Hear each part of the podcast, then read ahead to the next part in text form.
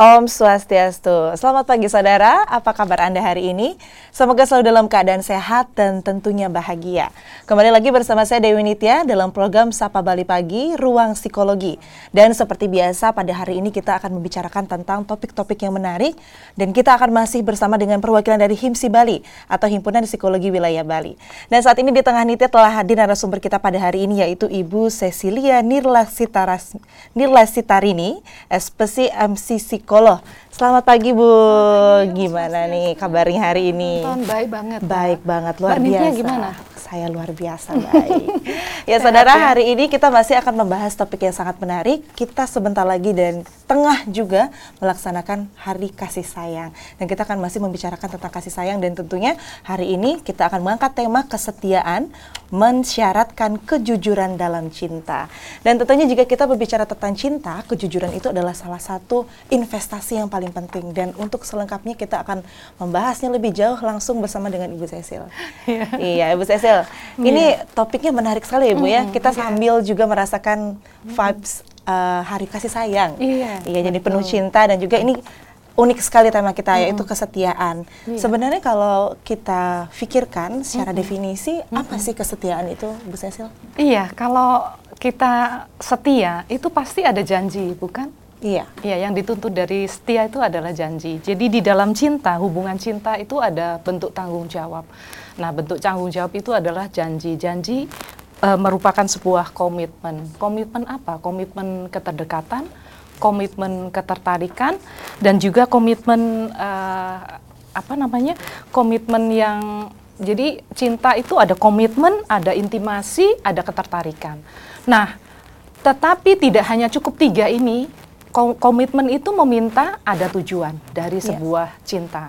Jadi relasi antara pasangan tuh ada tujuan. Nah, tujuan ini ketika ada komitmen, maka dia harus membutuhkan setia setia itu tetap pada integrasi tanggung jawab fokus pada komitmen. Itulah sebuah kesetiaan dalam Baiklah, berarti kalau kita berbicara tentang kesetiaan juga tidak jauh-jauh dari komitmen gitu ya, Bu ya? Iya. Karena itu uh, yang uh, melandasi seperti itu. Mm -mm, kayak janji gitu iya, ya. Uh, kalau janji orang yang janji harus setia, Betul. orang yang berkomit juga harus setia harus begitu. Setia. Nah, iya, kita berbicara tujuan. tentang janji, berbicara tentang hmm. komitmen dan hmm. setia. Hmm. Tentunya kalau kita ingin setia dan kita berbicara juga tentang setia, itu sama halnya kita membahas tentang ketidaksetiaan iya, yang bener. menjadi polemik saat ini yang banyak di masyarakatnya. Itu bagaimana iya. sebenarnya seorang psikolog itu memandang ketidaksetiaan? Apakah itu wajar gitu iya. dirasakan oleh setiap individu ada seperti apa Bu Cecil? Iya, um, setiap orang individu itu memiliki pilihan ya, pilihan. Jadi kalau di Bali itu ada dua sifat itu ruobinide. Iya. Ada setia, ada tidak setia. Betul. Jadi manusia, manusiawi yang dibilang manusia adalah memiliki dua sifat ini. Uh, tetapi baik atau buruk. Nah, ini kita berbicara dari sisi psikologi.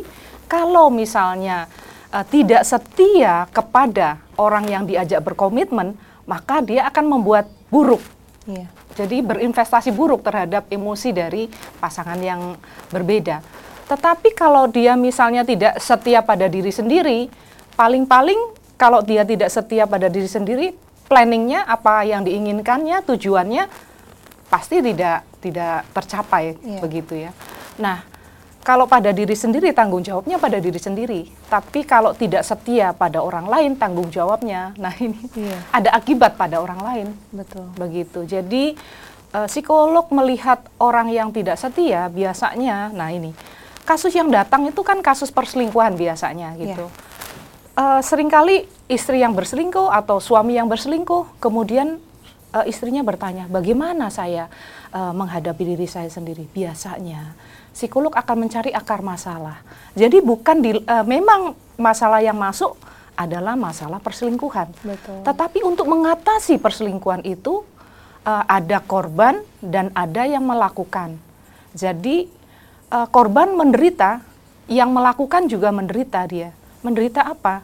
Sebenarnya pelaku perselingkuhan sebenarnya dia orang yang ingin mendapatkan pengakuan terus-menerus dari dirinya. Hmm. Ingin pembuktian. Yeah. Jadi dengan melakukan sebuah relasi yang uh, lebih dari yang diinginkan atau tidak setia, dia merasa bahwa oh saya mampu di titik ini. Tetapi di dalam psikolog klinis menganalisanya adalah uh, dia tidak yakin terhadap apa yang dimauinya, sehingga dia mudah uh, melihat bahwa sesuatu ini menarik, sesuatu ini menarik. Dia lupa kepada integritas janjinya sendiri, komitmennya sendiri, sehingga uh, bisa dikatakan biasanya persepsi pada dirinya ini bisa di bisa dikatakan memiliki kecenderungan tidak menghargai dirinya sendiri. Wow, berarti kalau misalkan ada seseorang yang tidak setia dengan pasangan seperti itu, berarti dia tidak hanya merugikan orang lain, tapi juga sebenarnya dia merugikan diri sendiri. Seperti iya, itu, ya, karena ya, janji itu kan gini, janji itu melibatkan dua hal, dua betul, orang. Betul, iya. janji itu kan gini, janji uh, misalnya uh, Bu Sisil janji pada Nintia. Iya. Tetapi kan saya melakukan sendiri pada diri saya. Betul. Kan saya melanggarnya. Iya. Saya kan akan membuat saya tahu ketika orang memiliki value, memiliki nilai, siapa pun akan belajar di masyarakat sosial ini Betul. memiliki nilai. Lah kalau dia melanggar janji itu dia tahu kalau dia pelanggar. Begitu. Tentunya, Tanpa misalnya kalau Nintya menyalahkan double dong. Iya, iya. Gitu ya. Saya menyalahkan diri sendiri sudah terus Nintia menyalahkan saya. saya. Sebenarnya dia sangat tahu bahwa dia melakukan sebuah kesalahan. kesalahan. Begitu. Berarti tentunya kalau misalkan ada seseorang yang um, melakukan sebuah ketidakjujuran atau dalam hal ini uh, berselingkuh, tidak setia iya. dan sebagainya, akan ada uh, efek psikologis yang dia rasakan seperti itu ya. Itu apa saja kira-kira yang iya. mungkin selain perasaan bersalah seperti itu ya Betul. Betul. Uh, perasaan bersalah ini dinamakan kalau di psikologi guilty feeling ya. Guilty feeling. Uh -uh itu guilty feeling tuh bisa menjadi tekanan juga ya secara emosi ya, baik dari uh, baik dari korban maupun dari pelaku ya. Yeah. Terus kalau misalnya uh, apa kok kejujuran gitu ya? Ah, sorry pertanyaannya tadi. Iya, kondisi psikologis apa yang iya. muncul seperti itu? Uh, abuse, abuse mental. Jadi ada ada penyakitan, ada uh, apa ya? Uh, ada usaha untuk menyakiti mental secara tidak sadar. Tidak sadar. Tidak sadar. Iya. Jadi uh, ada pengerusakan emosi, yeah. emosi yang tadinya nyaman dalam sebuah relasi, yeah. kemudian jadi tidak nyaman. Uh, relasi yang didasari rasa percaya, kemudian menjadi tidak percaya. Ketika orang tidak percaya kan Eh, nggak uh, stabil lagi sebuah yeah. relasinya. Berarti gitu. kalau seperti itu juga akan ada efek jangka panjang dan pendeknya ya Bu Cecil ya dari oh, ketidaksetiaan iya. itu.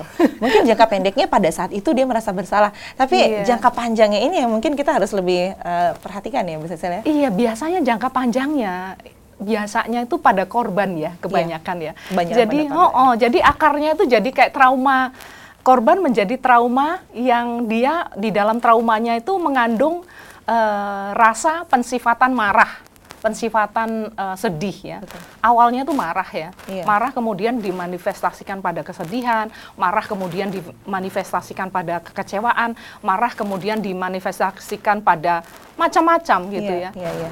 Uh, jadi makanya sebuah kejujuran itu sebuah syarat sungguh syarat daripada sebuah kesetiaan. Iya.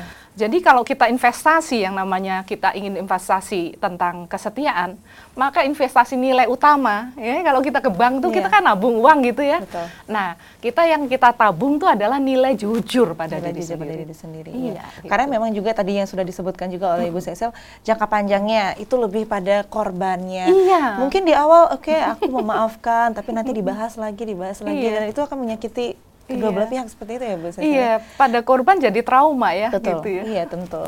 Nah ini barangkali pemirsa iya. di rumah ada yang oh ini saya banget nih saya banget gitu.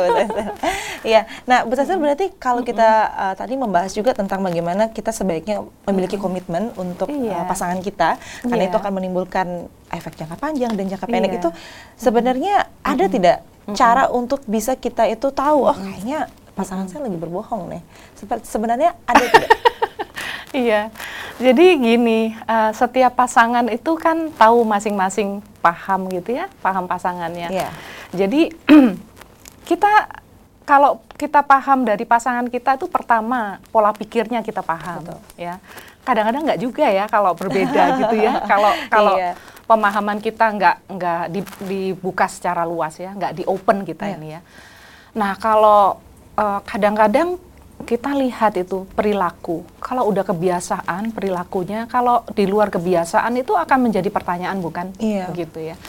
Tetapi uh, tidak harus misalnya menjadi sebuah konflik besar kalau misalnya ada uh, perubahan, sebuah perubahan, perubahan perilaku ya bisa ditanya dengan baik-baik. Nah, sebab it, inilah di dalam komitmen cinta juga harus ada bagaimana ketika kita ini nanti ada masalah, apakah kita akan diam?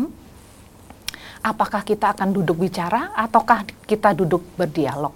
Nah, ini sebuah pilihan komitmen juga. Jadi lebih baik dari awal ketika mengenal mulai pacaran gitu, iya. ngobrol soal ini. Baiklah, nanti kita akan iya. bahas tentang bagaimana kita mengobrol untuk memahami pasangan satu sama lain. Tapi kita Baik. akan bahas di segmen selanjutnya ya, Bu Cecil ya. Iya. Ya, saudara, setelah ini kita masih akan membahas tentang kesetiaan. Untuk itu jangan ke mana-mana, tetap di Sapa Bali Pagi Ruang Psikologi.